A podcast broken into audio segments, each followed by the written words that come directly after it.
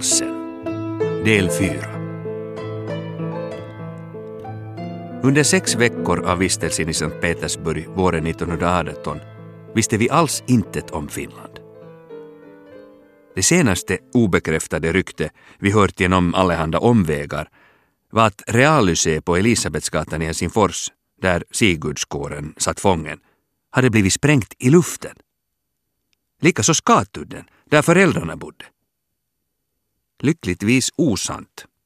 Men det fick vi ju veta först vid hemkomsten till Finland i slutet av maj.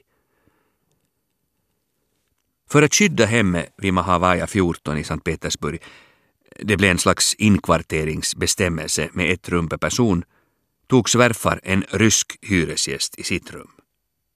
Han verkade rätt hygglig och stillsam. Kallade mig alltid Anna Ilinishna. Sa att Kerstin verkar pojknamn och att Edvardovna efter min far Edvard lät fult.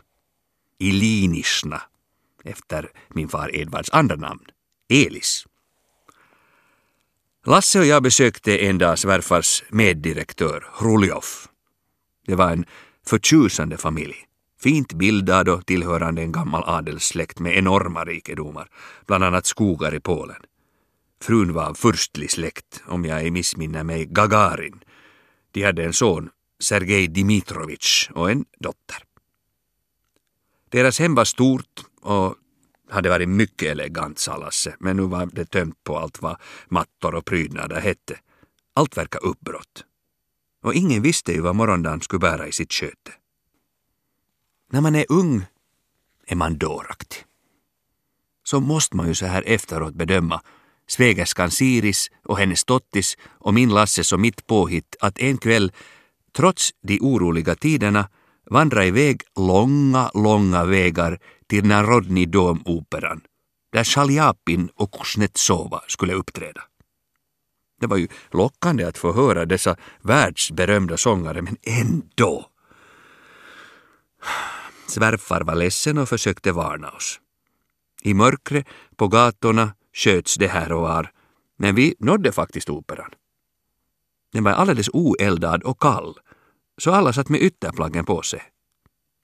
Att det, trots de uppträdandes topprestationer, ej blev någon stämning berodde på en stanka som helt var där hemma i Finland. Vaga, underliga rykten hade på diverse vägar nått våra öron. Tysk landstigning. Vi hade ju den 11 april just nu. Det datum mamma i sitt brev hade nämnt. Vad hände där? Vem levde ännu? Operabesöket kunde ej skingra de oroliga tankarna. I själva verket var det just den kvällen Helsingfors intogs. Vi vandrade hemåt från operan, en oändlig väg i en onaturlig värld full av faror och lömskhet och med gevärsknatter här och där som ackompanjemang till våra oroliga tankar. En morgon vaknade vi av skott och tittade ut. Huset mitt över gatan besköts av en kulspruta. Senare fick vi höra att man på måfå sköt tjuvar som troddes ha tagit sig in i huset. Huvudlöst. Under våra promenader i stan såg vi månget övergivet palats med öppna dörrar och gapande fönster. Ganska nära oss bland annat Stroganovs övergivna eleganta hus. Vi vandrade även bland annat till det ställe där Jusupov och hans medhjälpare i tiden slängt Rasputins döda kropp. Så många sevärdheter bjöd Petersburg på men tidpunkten lockade ingalunda till sightseeing då allt var osäkerhet, smuts och anarki. Vilken vacker och intressant stad i fredstid. En ridå reste sig mellan oss och framtiden. Småningom insåg Totti och Lasse att det troligen för alltid var slut med deras arbete och framtid i Ryssland. Och så börjades ett intensivt försök att få till stånd en hemresa till Finland. Landet behövde ju vita män men pass vägrades oss alla bestämt. Dag efter dag gick vi vår väg till passexpeditionen med negativt resultat. En dag överraskades jag plötsligt av en våldsam feber och frossa som följande dag var försvunnen. Men underligt nog återkom med styrka var tredje dag. frågade den erfarna svärfar om en liten var på väg, men han skrattade åt min okunnighet. Doktorn konstaterade malaria. Var det smitta och svält i ljuvlig förening?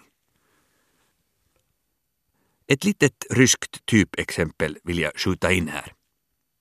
I vårt eleganta kök med marmorplattor på väggarna upptäckte jag en dag svarta rörliga punkter och ropade på Totti som fanns i närheten just då.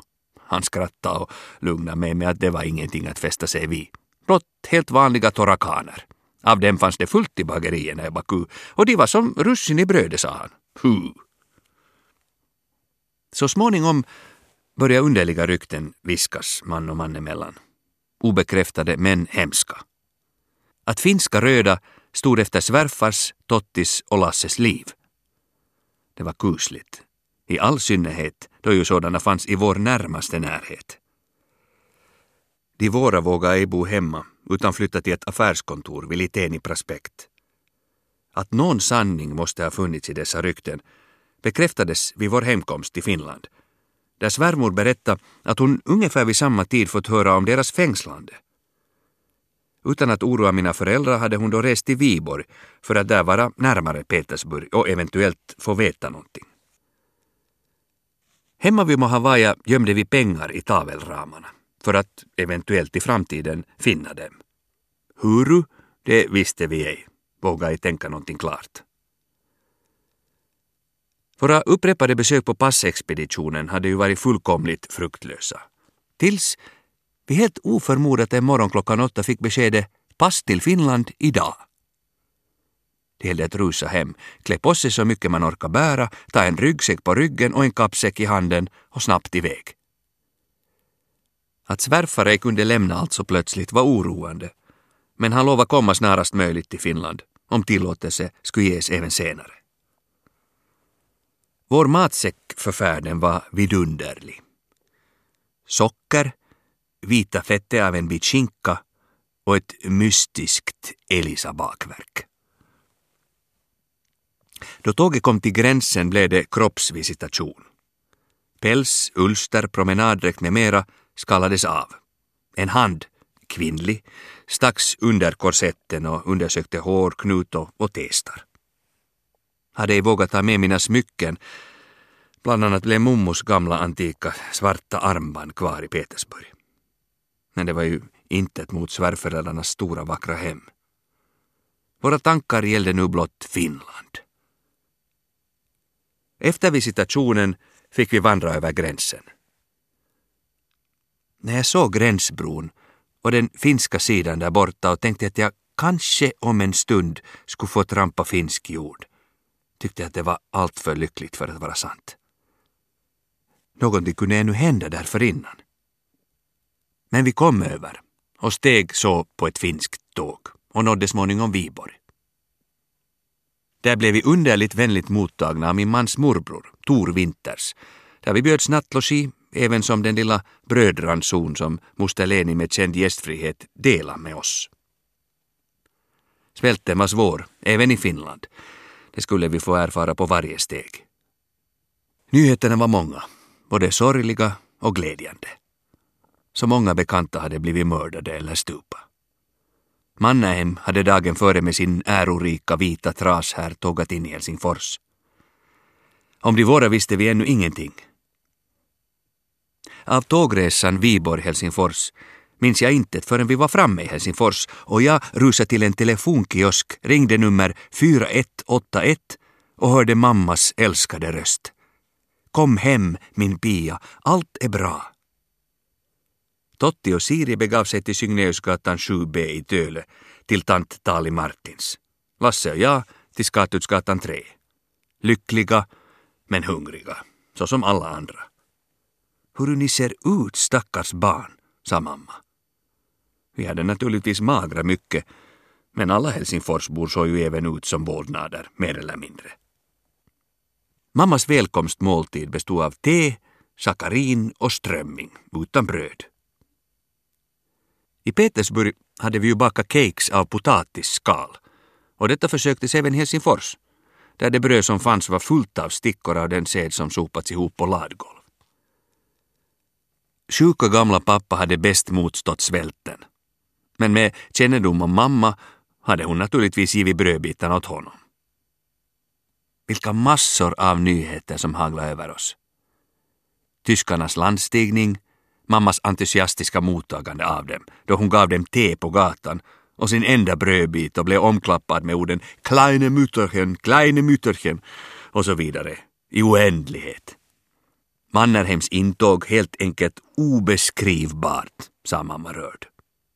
Breven som hon dagligen trots avbruten postgång skrivit till mig och postat. Bland annat hade hon i dem för varje timme beskrivit hur tyskarna intog Helsingfors. Tänk vilka historiska dokument som gick förlorade. Mitt brev från Petersburg hade via Ulla Järne i Sverige nått Helsingfors.